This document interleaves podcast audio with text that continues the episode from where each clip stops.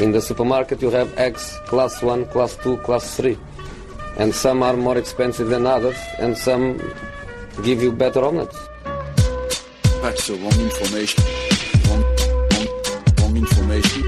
I didn't say that. That's the wrong information. Do you think I'm an idiot? Wrong, wrong, wrong information. Now look at me when I talk to you. Your job is to tell the truth. That's the wrong information. VM-podden på Sportbladet och med Sillypodden och nu är det onsdag idag så då är det Sillypodd som gäller. Robert Rosén gör säsongsdebut får man säga i, i Sillypodden. Välkommen tillbaks. Tack så mycket, tack så Eh, mycket. Fredrik Jönsson, eh, välkommen tillbaks efter en kortare ledighet. Mm. Eh, konsumerat mycket VM förstår jag. Ja, är väldigt lite silly. Väldigt lite silly. Ja, det är ju så här, det är inte riktigt silly-tider. Men Nej. en del rykten har vi att förhålla oss till. Däremot så tänkte jag att vi skulle börja med att prata lite grann om gårdagens matcher. Eh, det blir liksom inget annat VM-poddavsnitt sådär utan Mm. Eh, och det var ju ganska dramatiskt där på slutet mellan Argentina och Nigeria. Jag, jag, jag tycker synd om Nigeria, jag måste säga det. Jag tycker det jag tyckte de förtjänade att gå vidare. Ja, det förtjänar, Nej, förtjänar, det gör man förtjänar, ju liksom inte. förtjänar. Det är väl Det lite så att ord, men Argentina ja. har varit så usla i, vad blir det, nästan fyra, fem halvlekar av, av sex. Så att det är nästan som att de inte förtjänar att gå vidare. Mm. Sen har Island å andra sin tur, om man ska ta den gruppen i sig, också varit väldigt, väldigt usla. Så jag tycker inte heller att de förtjänar att gå vidare. Eh, för att de har liksom Alltså okej de är uppe och luktar lite mot ett B-betonat Kroatien Med tanke på att Kroaterna bilade åtta spelare, inte att det är dåliga spelare, det är inte det jag menar. Eh, Och då blir det ju någonstans Nigeria eller Argentina. Och jag tycker att Nigeria var, har varit en frisk fläkt. Ahmed Musas två mål mot eh, Island var ju ett av de godaste minnena tyckte jag när jag satt hemma i soffan. Och sen igår Så var man ju också där uppe och, och luktade och man, eh, jag vet att det var situationer i efterhand i de här VAR-tiderna som diskuterades Eh, till exempel den där Hansen då att Nigeria skulle haft den där straffen. Men jag tycker ändå inte att det ska vara straff där. Och det går ju att diskutera för att den tar ju på handen. Men jag känner någonstans att han nickar ner den och sen får killen ändå ett läge. Och inlägget i sig går ju egentligen i en annan riktning. Sen nickar han ner den till spelaren genom att den tar på hans arm. Så att jag tycker att ändå att Nigeria får ju ändå ett läge att avsluta där. Därför tycker jag inte att det ska vara straff. Sen kan vi ju alltid diskutera att det är ju ändå hans. Men vi säger att om han hade tagit den på gässan och skarvat den bakåt så hade det blivit inkast på andra sidan istället. Så att den går ju liksom ja. Sen är bollen söker handen och ja du vet. Ja, eh, just det faktumet att den går från pannan ner på, på handen att det, den har en, ändrad riktning på vägen. Det är väl det som gör att det inte blir straff eh, Mm. egentligen. Ehm, men eh, Tyckte ni det var, det det, var, straff? det, var, Alla det, var, skriker ju- ju efter straff. det, var ju, ett- det, var ju, det var ju inget 5 plus ingripande utav eh, Rojo just den där. Man tycker Nej. att han står he, egentligen helt ohotad och får bollen på handen i egen Men straffområde. sen gör han ett 5 plus Ja, inget och det är ju det som är, det är det som är så roligt att han, han revanscherar sig från det att han är så nära, det är ju verkligen, det är ju där på ribban här liksom, från att han Ja. blir den stora syndabocken till att han istället blir den stora hjälten. Mm. Ja men det är klart man lider ändå med Nigeria. Och sen tycker jag ju det är rätt tråkigt nu att Alltså Afrika får ju ett väldigt dåligt VM. De har ju bara Senegal som enda hoppet kvar nu. Mm. För en möjlig åttondelsfinal.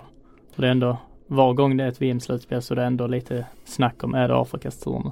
Ja, Men, och vi har Var pratat mycket inte den här om, gången heller. äh, vi har pratat mycket om Marocko, vi har pratat en del om Nigeria. Men det är ju sen- Marocko som typ har varit bäst. Alltså Ja. Senegal har varit bra men Marocko Ja. har ju varit, alltså de har ju varit svinbra. Jag tycker riktigt, Mm. riktigt synd om dem alltså. Eh, och Egypten, de, eh, jag vet inte vad de gjorde, de, de kom typ inte hit för att delta. Eh, Nej det var usla insatser. ja, Tunisien har ju inte heller levererat direkt. nej, det kan man inte säga. Ja, Men okej insats ändå mot eh, England. Första, första matchen mot England, Ja, men när och de sen- fick det men- målet emot dem, då, Mm. då, då kände de ju att Det, det är lite det som skiljer liksom starkt psyke mot dåligt psyke. Man förlorade matchen sent och sen är man usla i, i Och sen så har man Belgien och så, då måste Ja. man ju kanske komma upp på en ännu högre nivå än man, man gjorde matchen innan. liksom. Ehm, Men nej men jag kan förstå att du känner för, eh, för Nigeria. Definitivt. Eh, och det hade ju varit eh, bra som Robban är inne på. det är också ett, ett kul ungt lag som spelar ganska frejdigt. Visst det, det är ganska långt mellan, mellan toppen och botten på, på spelet. Men Mm. Ahmed, Ahmed Musa när han drar iväg, jävlar vad det går undan alltså. Mm. Eh, i, i, I kanalen när han, när han sätter iväg. Men sen finns ju alltid argumentet Argentina ska vara vidare. Vi vill se Argentina Ja. där. De har så bra Alltså en, spelare. åt, åttondelen Alltså, mellan, mellan Argentina och Frankrike Ja är, är ju, ju. Mm. eh, Men speciellt. har ju, alltså jag fattar inte, jag tittade jätte jättemycket på, på kvalet för det är mina tider för att jag jobbar ju till 12. Och jag satt och lajvade också Argentina när de vände mot Ecuador. Eh, eller Messi vände mot Ecuador. Eh, de var med 3-1 och sådär. Och de var ju dåliga i det kvalet. Det är inget snack om saker. Men jag trodde någonstans, jag levde på det Sampaoli har gjort tidigare i sina klubbar och sina landslag. Och jag tyckte att, ah, alltså han är väl en bra tränare, en bra förbundskapten. Men här får han ju inte det att funka. Och ska man tro på det senaste så verkar det ju vara Messi och killarna som har tagit ut, tagit ut laget själva. Ja men det känns ju lite som det att Argentina de sista åren har haft en förmåga att snubbla sig vidare trots Ja. att de inte imponerat. Jag menar gruppspelet nu, VM-kvalet, föregående VM-kvalet då de förlorade med 6 mot Bolivia och sånt här i kvalet Ja. men ändå lyckades ta sig till VM. Men är alltså sätta in Mesa igår istället för Dybala. Man sitter ju bara och sliter sitt hår. Man bara Ja. vad hände? Nej. Alltså, varför, kan vi inte, varför kan han inte spela eh, Di Maria och eh, Dybala på varsin kant och så Messi och sen en, en forward framför där vem nu ska och sen två sittande. Banega var ju varför vägrar han spela 4-2-3-1? Det, det, det känns så jävla uppenbart Ja. att 4-2-3-1 är sättet för att, för att få in Ja. alla de offensiva spelarna. Men menar även om, om eh, Dybala, om han tycker att han inte funkar på kanten, sätt in honom centralt och sätt ut Messi till höger. Messi Ja. måste väl kunna ta den instruktionen. Han har ju spelat, för fan spelat i den positionen nästan hela sin karriär. Liksom. Ja. Det är ju där hans, det är hans Ja. position. Menar, Han fick om- väl pris som världens bästa spelare ifrån den positionen så hur svårt ska det Ja, vara? precis. Flera gånger dessutom. Ja. Ehm, Nej, det är- så att, Och sen försvarsmässigt så okej, Banega och Mascherano, Mascherano han tar ju, han tar ju risker, det är inget snack om saken. han, är inte bra längre. Nej han Alltså, borde är nog blivit Han är utvisad. inte bra. Alltså. Men Banega var ju svinbra och sen försvarsmässigt Otamendi är ju ändå en bra försvarsspelare. Jag är tycker, ju jag liksom- tycker Banega kommer in och gör väldigt mycket offensivt. Ja. Defensivt, Nej, defensivt, så men är han ju offensivt. en jävla... För så nära det är att han drar på sig en straff precis i början utav Ja. matchen. När han har jävla tur. Det är väl, eller eh, Mosa tror jag som... Är inte det i början av andra? Nej det är början av matchen. Det är Perez som är kanske i början precis. av andra. Eh, exakt, det här är början av matchen. Ja. Han glider in och glider in i en tackling där nigerianen, jag ihåg, jag tror att det är Ahmed Musa, är såklart först på bollen men han lyckas sparka bollen på Banega Ja. före han själv trillar över honom. Om han bara sparkar den bollen åt ett annat håll och tar tacklingen, då är straffen så solklar som den bara kan bli. Men jag, men jag tänker på det när man tittar på Rojo och, och man följer argentinska ligan. Om du kollar på argentinska ligan så smäller det något fruktansvärt där. Och det känns som att de här spelarna som spelar i Europa som är Argentina som är med i det här landslaget. De har typ tappat nivån av hur det funkar i Europa. Och så har de gått tillbaka till den nivån hur det ska smälla i argentinska ligan. För att jag tycker också att de spelar väldigt, väldigt liksom precis under kort och straff. Alltså all, Mascherano ska ju åka ut i, igår. Borde Alltså, han inte det? Kan han starta Mascherano eh, mot Frankrike? Finns det några alternativ? Man tycker att liksom den, den, den insatsen Är igår är ju så... Är Men ju, Biglia är väl enda alternativet. ja det är väl det enda alternativet och jag menar Banegas fötter tycker jag ska vara kvar. Det tycker jag också. Mm. Ja. Men jag menar att Mascherano med den, med den insatsen har ju inte motiverat att han ska starta fler matcher i det här VM. Att han är ju en för stor säkerhetsrisk. Ja. För ett lag som redan är lite obalanserat och defensivt eh, svagt. Men sen är det ju andra sidan, man har ju inte en blekast om hur Sampaoli tänker. Det såg vi väl främst laguttagningen mot Kroatien liksom. Det kändes ju som ett rena rama lotteriet har han satt upp Ja. det laget. Ja, nej, det är helt Men alltså Sen finns det ju spelare som inte är uttagna heller som borde vara med i Argentinas landslag Som man också förvånas över så att det, alltså, Jag förstår inte det där att det ska vara så svårt att man kastar bort Vi pratar liksom mycket om att eh, Alltså en spelare som lyfts som inte till exempel är med i Frankrike det är Benzema men i Argentina är det liksom så att du struntar i att ta ut spelare som borde vara med i VM-truppen Och sen när du väl ska spela VM så använder du inte dina bästa spelare Det är helt ologiskt ju. Nej, det är väldigt, väldigt, väldigt svårt att se hur Sampaoli eh, liksom resonerar. Vad han har för, för argument till eh, de här besluten som han har fattat. Det, jag har inte sett att han har Nej. uttalat sig kring och jag har bara sett Nej en massa människor Det i sig tycker jag också är jävla katastrof. Han fan ställa mot väggen. Man vill ju se en PK till presskonferens där det bara mals frågor till honom. Ja. Alltså så man får liksom det här nås Hur, ut. hur, hur, kan hur kan det dröja till 81 eller något där innan du sätter in Sergio Agüero när, Nej, när, när Higuain uppenbarligen inte har eh, sin bästa dag på jobbet liksom. Du har Agüero där som, Mm. som står liksom och du vet eh, tuggar fradga på sidlinjen liksom. Mm. Var, varför vänta med det bytet tills det är 10 minuter kvar av matchen? Jag tycker att Agüero ska komma in nästan i, eh, i halvtid. Istället för att gå in med tanke på att eh, vad det står och ytor och annat liksom. Mm. Om man tänker sig ja. Nej jag fattar inte. Jag tycker att det eh, nej, det är jättemärkligt. Ja, jag menar hela situationen Argentina befann sig. Det var ju bara att köra. Det var ju bara Ja. In med hela artilleriet Ja. och kör. En Icardi måste ju sitta hemma och känna Ja. att jag hade kunnat göra, jag hade kunnat göra någonting mot det här motståndet liksom. Han är ju sån sjuk spelare men så kan jag tre mål på fem minuter. Alltså du vet sen kan han missa 400 lägen ungefär. Det är klart att det är lite Men han, men han, han petar ju in tre halvchanser liksom. Ja, som, absolut. eh, Men han tog väl Maxi. Lopez brud och det gillade inte Messi och därför är han inte med. Nej. Så enkelt är det väl? Ja, det är väl så. Ja. Jag tror inte att eh, analysen behöver vara mer avancerad än så Nej. faktiskt.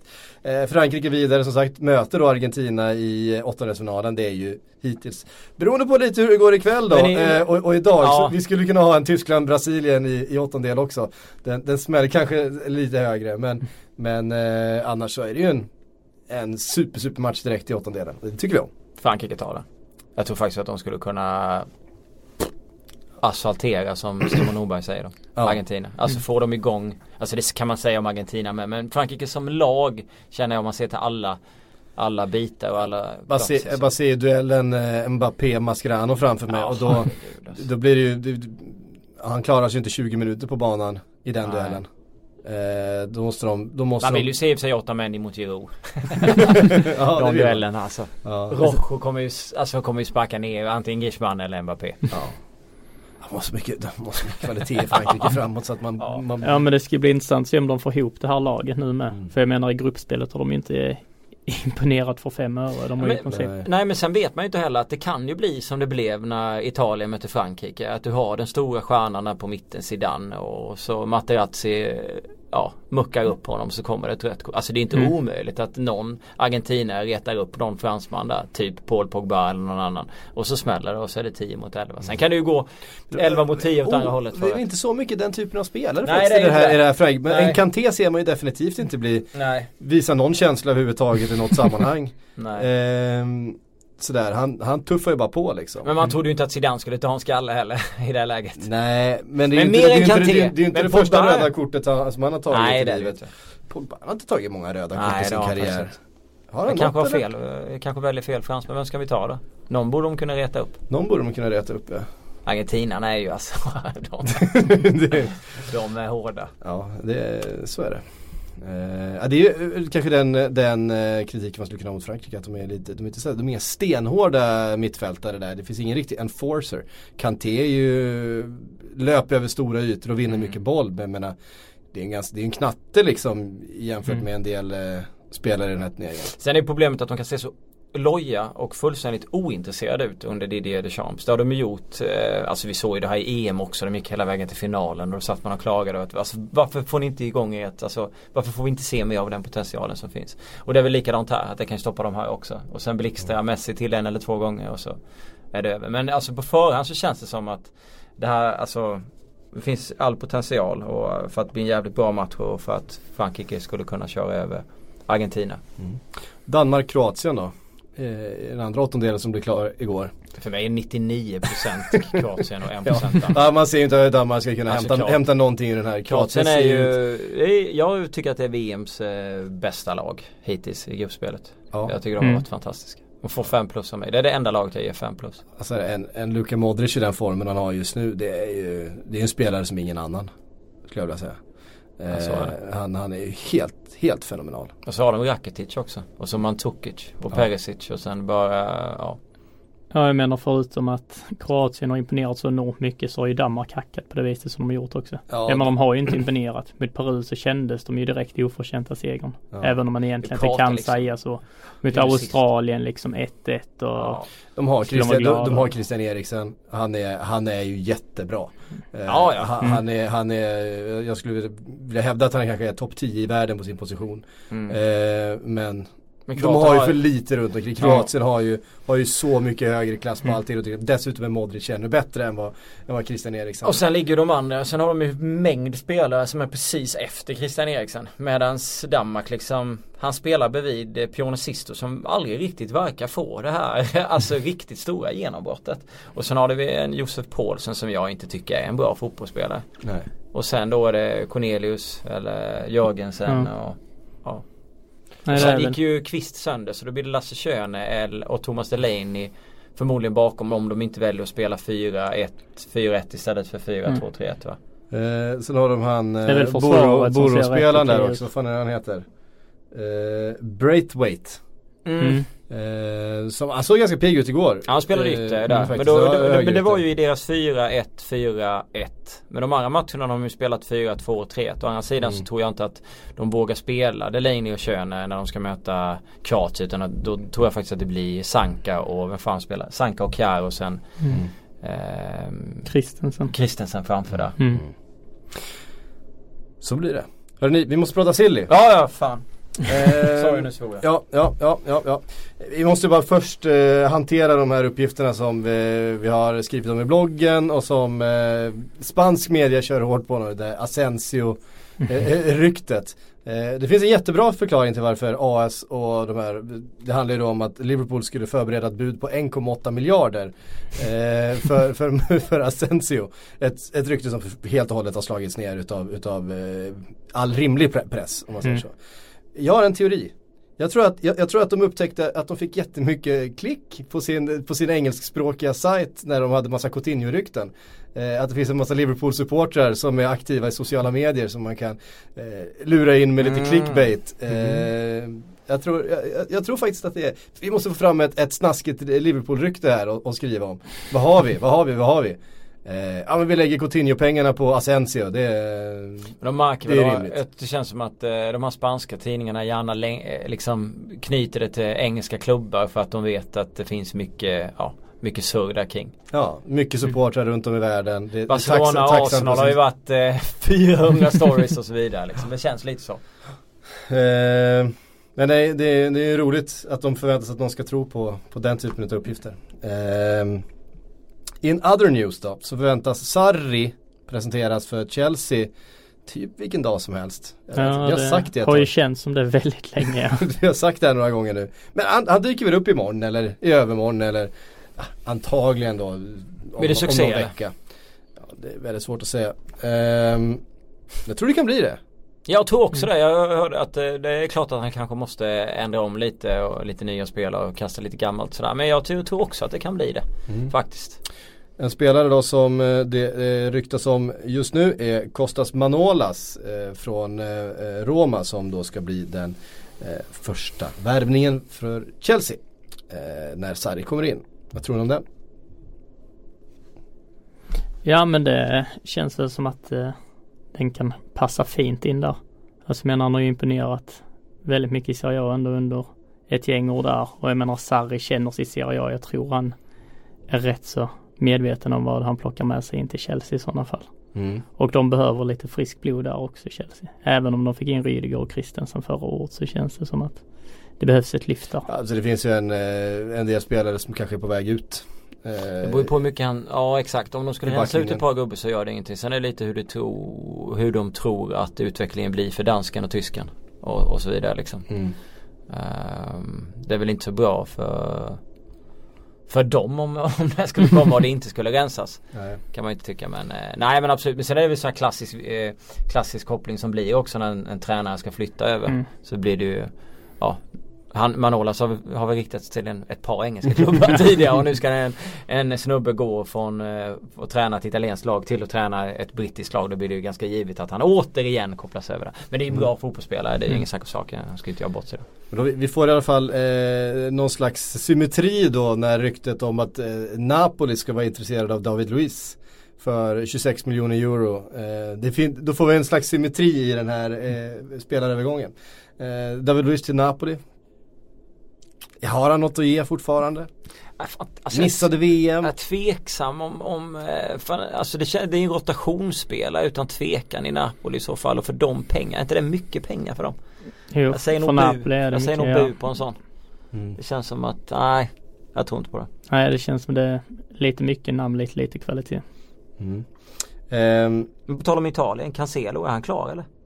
Han eh, gjorde läkarundersökningen idag, eller han är på läkarundersökningen. Joao Cancelo, eh, är, det, är det Benfica från början? Och sen Mm. Valencia, sen inte. 400 miljoner. Inte uttagen i det portugisiska landslaget, åker på förläget för den här Mm. utvisningen var i, i träningsmatchen mot Holland. Och är inte med. De har alltså en försvarsspelare som nu under VM går för 400 miljoner och han tar inte en plats i Portugal. Och jag tycker Portugals försvar har varit en aning skakigt. Det kanske inte är de har mer, de, de har mer Josef Font i den backlinjen liksom. Ja men, men det kanske inte, nu se vad har vi för, nu kommer jag inte De har på. Pepe visserligen och de har, eh, ja men till höger i backlinjen. Ja. Eh.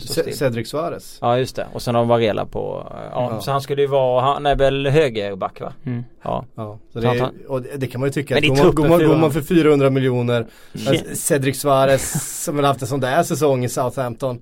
Mm. Eh, det är ju inte, det är inte en Det spelare kan- du får 400 miljoner för. Men det borde ju varit det röda kortet va? Eller? Tror du, är det där? Nej, han åker på, han åker han åker ut i en träningsmatch inför VM mot Holland är det väl 0-3. Så det är väl Ja. kanske den matchen som, hejdå. Nej jag vet inte. Ja, alltså det måste ju vara något sånt personligt för jag menar kvalitetsmässigt så ska han ju vara där. Ja, Gruppdynamiken. ja. Mm. Fyra unga mille är ju, och då byter han alltså, han var utlånat inte va? Ja, Mm. Valencia säljer honom. Ja. Bra affär för Valencia och lite irriterande för inte kanske att han hamnar i Juventus. Ja. Eh, mer Italien. Nainggolan presenterad av Inter. Eh, Mm. Såg ni presentationsvideon? för Ninja. Say hello to a new era of mental health care. Cerebral is here to help you achieve your mental wellness goals with professional therapy and medication management support. 100% online. You'll experience the all new Cerebral Way, an innovative approach to mental wellness designed around you. You'll get a personalized treatment plan from a therapist, prescriber, or both in a safe and judgment free space. Your Cerebral therapist or prescriber will outline a customized plan with clear milestones along the way so you can get to feeling your best. With Cerebral, you're not alone in your mental health journey. We're here to empower you to live a fulfilling life. So take that first step towards a brighter future and sign up today at cerebral.com slash podcast and use code ACAST to get 15% off your first month. Offer only valid on monthly plans. Other exclusions may apply. Offer ends July 31st, 2024. See site for details. Nej det gjorde jag faktiskt inte. Du har sett den Robert? Jag har bara sett bilderna som kom ut direkt. Jag har inte Eh, sett att han, ja det är parkour och han är ninja och det är, han studsar runt på hustaken och sen så har han någon sån här Den passar honom eller den är bra? Ja, den var helt okej. Tyckte, Ja. den var, tyckte det var, plus, var, lite, eller? var lite fart och fläkt. Ja, tre starka skulle jag säga. Ja, eh, jag såg att eh, vår vän Patrik Bränning gav den fyra plus. Mm. Eh, vilket jag antar att Frida måste ha gett en typ såhär 7-8 plus. Ja, hon är alltid den mest generösa. Har man två plus har hon fyra. Eh, Kalle Karlsson är, är ju ett på alla. Han han ger alla, alla ettor. Nej men den är jag, för, jag kommer ihåg när, eh, alltså man går ju inte mellan Roma och Juventus i men jag kommer ihåg när, då när han var ute och satt i någon bil och gjorde en intervju om att han aldrig skulle, ja Sa en av, både det ena och andra om Juventus och nu Nu hamnar han inte men han har väl, du var väl inne på det vi pratade om Mm. där, vi borttvingad för att ska casha in på honom så. Han har ju varit väldigt tydlig med att han inte ville lämna. Utan Mm. det är ledningen som har sålt bort honom. Och det var ju rätt kul när han kom på läkarundersökningen med om man såg videos där med Inter-supportrar som sökte igenom en halsduk och så en halv meter bort från ansiktet men han bara viftade bort och låtsades inte se halsduken och sånt så Han verkade inte jätteglad när han var där på läkarundersökningen i alla fall. Det finns ju två vägar att gå. Antingen så vill du liksom ge tillbaka och visa hur bra du är. För att Roma skickade iväg dig. Eller så är du så förbannad så att du skiter i det och du har tjänat dina pengar. Jag känner att han är över inställningen den första personen att han ska visa. Eller? Mm. Det här Mm. kommer att bli en succé. Han kommer att göra svinbra eller? Ja jag tror det är en supervarning av Inter. alltså. Alltså det, det är ju en superspelare. Ja, det är ju det. Så att det är ju eh, Han och kommer det är ju inte lägga- precis en spelartyp som Inter fan skriker efter. Mm. Eh, hur, hur många de har haft inne där på centralt mittfält liksom de senaste åren. Pratar om Banega innan här som var där Mm. och, och eh, misslyckades ju faktiskt eh, ganska rejält. Eh, Satt, Ja, ju- satt, ju mycket, satt ju mycket på bänken. Jag menar Nangolan är ju den bästa centrala mittfältaren om jag inte glömmer någon nu som, som Inter haft på väldigt länge. I alla fall på Mm. förhand känns det som. Ja. Mm, ja han är bra. Eh, och någonting som de har behövt, men jag tycker att de har Ja men de har speed på kanterna, de har kvalitet framåt och de har eh, Ja men en duktig målvakt, alltså det, det, det, är- det är verkligen den positionen på, på planen Mm. där Inter eh, har behövt länge liksom. Mm. Så att, Ja, eh, alltså det känns ju märkligt att Roma säljer det till en direkt konkurrent också. mm. Men det var inga skyhöga summor där. Nej. verkar handla om heller. 250 va? Ja, Mm. Men vad är omkring han? där. 20? Han är väl, han är väl 30 nu. Ja jag tror Men det känns ju ändå som att de pengarna kunde du fått kanske mer om du hade Alltså, det sålt lite honom till England. Ja det måste Så varit att han, inte, att han själv inte ville flytta från Han var Italien, väl inne rätt mycket på Italien tror jag det verkar som. Det Ja. var lite samma som med Bonucci-fallet ja. för ett Ja. år sedan. Så. Det har ju, Det det har ju snackats om Chelsea då förstås. Jag menar Mm. Även förra sommaren då när, med att Conte skulle vara intresserad av att värva honom vilket ju inte hade känts orimligt. Ehm, Chelsea även den här sommaren eh, med Sarri, vi pratade om eh, Nainggolan. Det är klart att skulle han gå till en sån klubb då hade vi pratat dubbla pengarna Mm. tror jag. Och vi fortsätter då. En annan spelare som har presenterats i dagarna nere i Italien, Pastore. Mm. Eh, Det är ju en övergång man har väntat på, att han äntligen ska få lämna eh, PSG där det på något sätt aldrig lyfte. Jag vet inte, det var ju den första stora prestigevärvningen för det här PSG-projektet. Så nu har vi liksom på, på något sätt gått full circle när han, när han lämnar. Jag vet inte, det, det känns som att Han ingick ju i, eller han var ju med där precis i början ja. Han var ett av de här exemplen som fick vara starten på PSGs projekt som det har hetat så mycket eh, och kom dit och Men han blev ju verkligen inte den eh, frontfiguren i slutändan om man sammanfattar hans eh, år där så känns de ju som för hans del eh, rätt bortkastade. Alltså han har ju ändå varit där sju år nu också. Mm. Eh, och man hade ju väldigt höga förväntningar när han kom där. Sju svåra år. så han, han borde ju bytt efter, jag vet inte. tre år. Ja knappt två. det Men var- han borde stuckit tidigt. Ja, Ja, det var ju onekligen dags för miljöombyte. Och det har honom nog gått att komma tillbaka till Italien. ja det Gissar känns som att han verkligen har velat tillbaka till Italien också. Han har Eh, tjänat sjuka pengar. det har han ju gjort Så att han har nog ett bra liv. Det är inte Vad, he, vad hette han brassen som de skickade som ju var deras bästa spelare eh, säsongen före liksom projektet tog fart. Vad fan vad hette han? Nene va? Nene, Nene, ja. precis. Eh, man undrar hur han liksom har suttit i någon så här, han drog till Men han, Kina ja, eller men det var väl han som, eh, det var väl han som fick gå när Zlatan kom va? Det var väl den- precis. ja. jag. Eh, Han hade väl gjort hur mycket mål som helst. Ja, han måste känna, han måste känna att när det har kommit in alla de här, när Verratti kom Ja. in och så här, Fan jag hade öst i det här Ja, han, han, han öste ju före ja här exakt kom ett, in liksom. med ett mediokert gäng gjorde Ja. han det. Så att eh, det var det jag menar med att han gjorde mycket mål. Nej det absolut. Mm. Eh, Milan, vi Mm. måste prata lite om AC Milan. Eh, Den kaosigaste klubben tillsammans med Sporting Lissabon. Vi, eh, jag lovade att vi ska prata lite mer om Sporting Lissabon längre fram här. Jag tror inte vi kommer hinna det idag. Eh, Det är så stökigt så att det är för många turer att, att hinna gå igenom. Jag känner, jag känner mig lite för dåligt inläst än så. Ja. Men vi tar och ger oss lite, in lite grann då i alla fall på AC Milan som väntar någon slags besked. Eh, det är alltså deadline den 30 juni då man ska eh, betala, i alla fall visa upp ett eget kapital på, på 30 miljoner euro. Visst är det så? Mm. Eh, för då att balansera böckerna mot eh, den Financial Fair Play som man bröt mot när man värvade alla spelarna förra sommaren.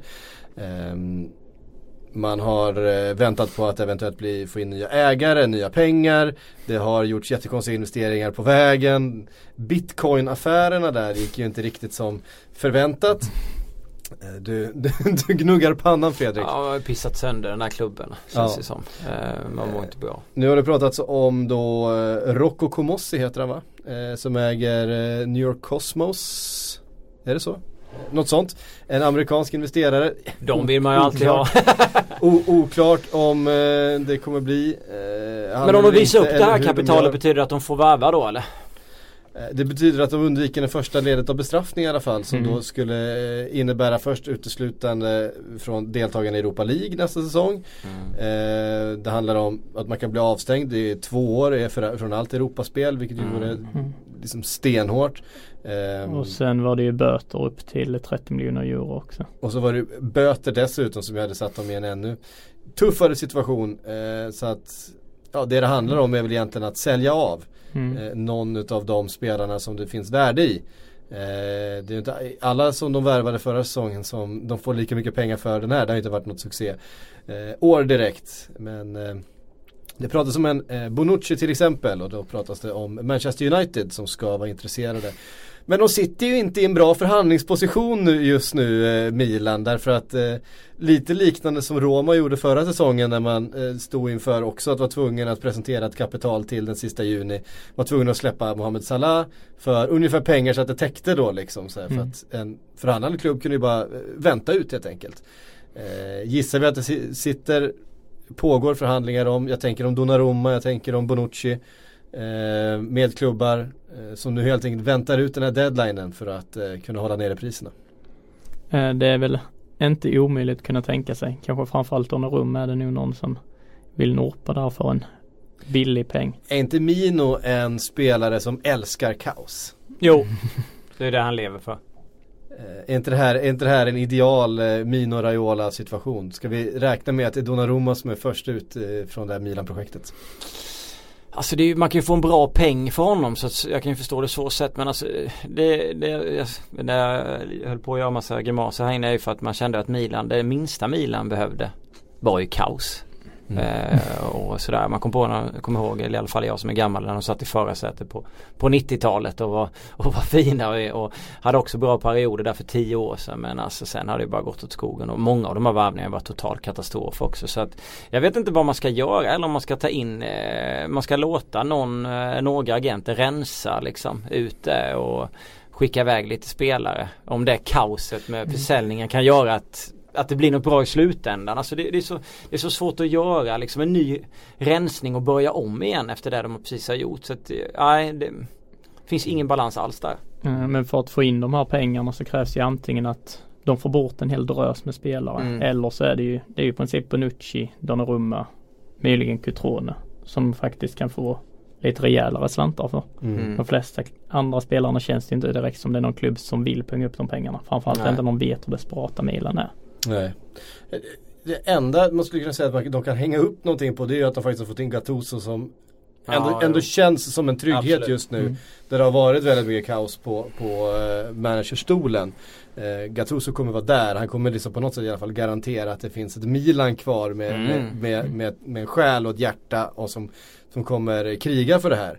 Ehm, Men statusen i landet som en stor klubb har ju gått ner för varje år som har gått. Man väljer ju andra klubbar före Milan och, och statusen eh, för, för spelare runt om i Europa och gå dit är ju också borta och man har inte den makten. Man har inte liksom Alltså allting sånt har ju förstörts i den klubben fullständigt. Så man måste göra någonting få ordning på det och bygga upp det igen och det, det kommer ta sin tid. Man trodde ju att det här kanske om man nu kunde göra en bra säsong och gå långt i, ja eller hamna högt upp eventuellt ta en Champions League-plats. Att det skulle kunna hända och vara på väg åt rätt håll. Men det är ju fullständig skit skulle jag vilja säga fortfarande där.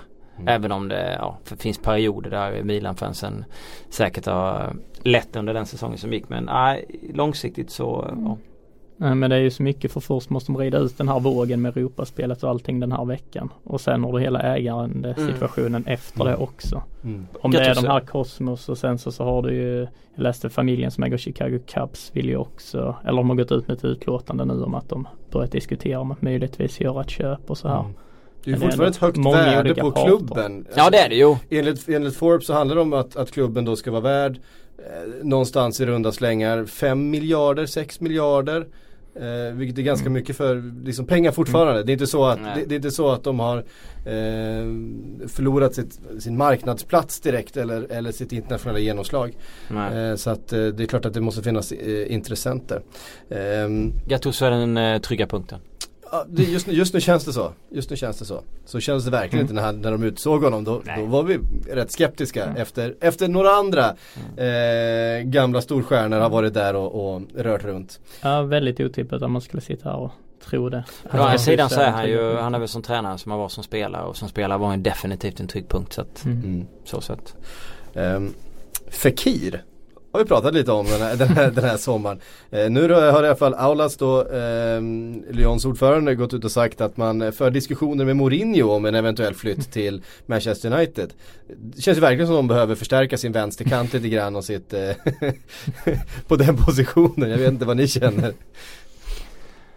Eh, nej, det behöver de inte göra. Eh, vad, vad ger ni för det här? Han har ju gått ut och sagt det. det. Han har också sagt att vi förhandlar med Barcelona och så vidare men, men eh, det här är det senaste. Alltså någonstans så handlar det väl bara om att försöka pressa upp en prislapp och så här. För jag menar nu har de tidigare, jag menar han har som han sagt gett grönt ljus till Liverpool innan. Det blev ingenting där. Jag menar han vill väl behålla upp den här prislappen och kräma ut så mycket pengar som möjligt som det går att få för Fekir i dagsläget. Mm. Men han skulle ju vara kvar ju. De gick ju ut med ett statement att Fekir är Lyon-spelare nästa säsong. Men det är ju en klubb som har kört en hel del olika statements som man är rätt jävla trött på om man ska vara helt ärlig. eh, det är klart jag vill se honom någon annanstans. Mm. Gärna till den här säsongen, inte till en säsong när han har ja, gått ur. Vi kommer ju ihåg- hur, hur lätt det var för Lacazette att ta sig därifrån till exempel. Ja det tog ingen tid Det alls. tog ingen tid alls nej. Vet du vad, vi har inte så mycket tid idag. Eh, det ska tydligen spelas fotbollsmatch med lite stund Ja! här och vi har massa annat eh, vi, Ja. vi måste styra med. Vi ska svara på lite frågor före vi knyter ihop. Ja. Eh, Benjamin Laudon skriver, klarar sig Arsenal på att bara plocka in Sokratis eh, och Torreira för att nå topp 4? Nej, det gör de inte. Eh, det känns eh, inte så. Jag gillar Sokratis eh, värvningen. Jag gillar också gillar Lin- Torre- Tor- Torreira-värvningen också. Ja absolut. Eh, Lichstein också för den delen.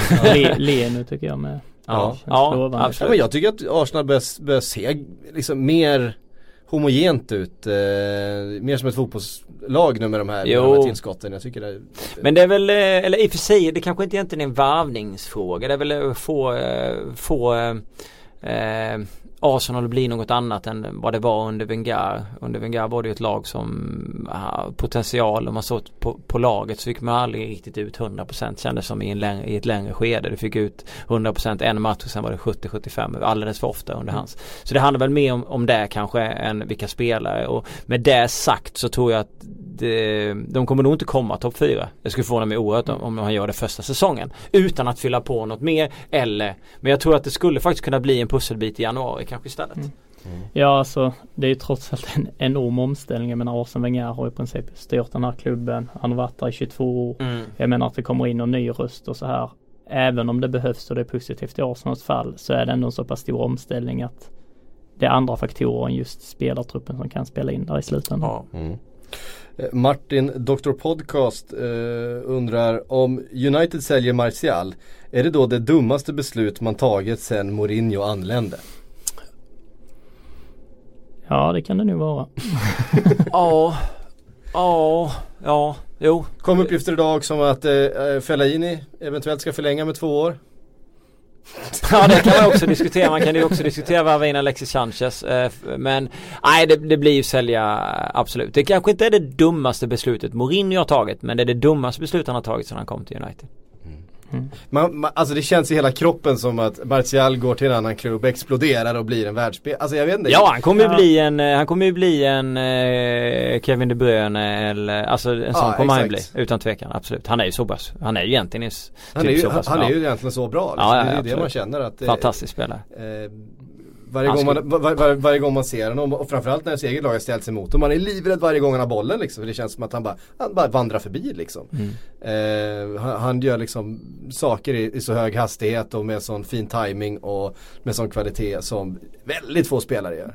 Jag såg han, jag såg han live två gånger det här året. Jag var ju på två Champions League-matcher med, med United och när han fick komma in i båda dem. Alltså det går så fort så att det är, alltså det är löjligt. Han bara gör en liten crossfint och sen så springer den försvararen helt åt andra hållet. Nej, fruktansvärt bra spelare. Eh, men lämna gör han väl? Ja, det, Ja, ja, hans egen, ja absolut. Eh, Det känns ju verkligen som det. Jag menar de har både Sanchez och Rashford där ute till vänster redan också. Mm. Och så ska förtroendet som han Och så förtroendet som Mourinho har visat här för Martial så ja, jag tror absolut han lämnar. Det handlar väl snarare om vilken klubb det blir och eh, hur mycket slantar de får in. Um, Gunnar eh, Swedia, precis, eh, skriver Hur kommer det påverka att Premier League stänger sitt transferfönster tidigare? Det blir lite speciellt ett sånt här VM-år när VM också ligger ganska sent. Det innebär att det är, efter VM-finalen så är det ju typ tre veckor ja, det kommer, kvar utav det eh, engelska transferfönstret. det kommer hetsas något enormt och sen så kommer det gnällas något enormt när vi klev in i september och någon gick sönder 25 augusti och man inte fick, alltså det, så kommer det ju bli utan tvekan. Men, eh, men jag gillar det, absolut. Det känns ju rimligt att, att när man börjar spela fotboll så är ju trupperna satta. Mm. Ja, Absolut. absolut. Helt rätt väg att Eh, gå. Men det är så att jag tänkt på innan när vi pratade om Chelsea och Sarri här. Jag menar han är fortfarande inte klar. Vi är snart inne i juli. Mm.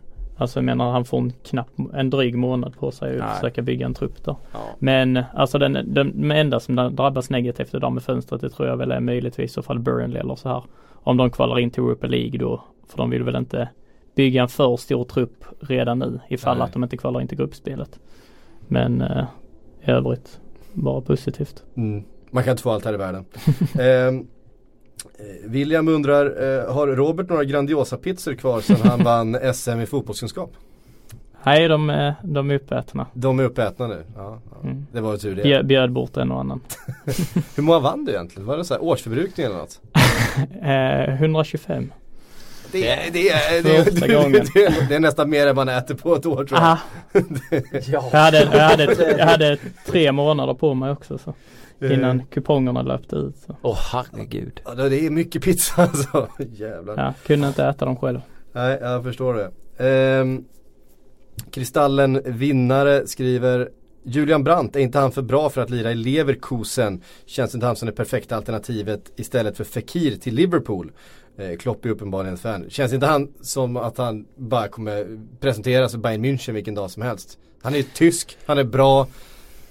Ja så kommer det säkerligen bli Ah, men jag håller med Kristallenvinnaren. Jag, jag tycker att Julian Brandt är för bra för att sitta på bänken i det tyska landslaget i det här VMet. Eh, jag tycker han ska få spela och jag tycker absolut att han skulle kunna gå in och ta en plats i eh, Överraska, eller inte kanske ta en plats men överraska positivt i, Premier League, absolut i, Mm. i Liverpool. Det skulle inte förvåna mig. Men han kommer ju garanterat hamna i Bayern München och vi inte de har honom så blir det väl Borussia Dortmund eller Mm. ja, typ så. Precis. Ja, tråkigt nog. Det hade varit väldigt intressant att se honom i Premier League-miljö faktiskt. Ja. ja, han är otroligt eh, skön att titta på. Vet ni vad?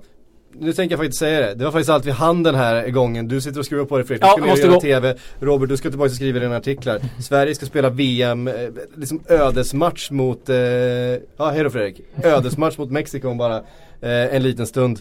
Det börjar kännas, det har nästan varit lite avkopplande att komma in här och man får liksom så här prata lite sill en liten stund. Ja, man har ju kommit in i en liten annan bubbla och sluppit sitta där ute och vara nervös över att VM-äventyret kanske tar slut nu. Att vi får vänta 12 år till. Ja, det är faktiskt så det känns. Eh, vet ni vad? Eh, vi återkommer från VM-podden här från Sportbladet eh, imorgon med allting då, reaktionerna på den här matchen som ska spelas snart. Jag hoppas vi hörs då. Tack för att ni har lyssnat. Eh, ja, vi hörs.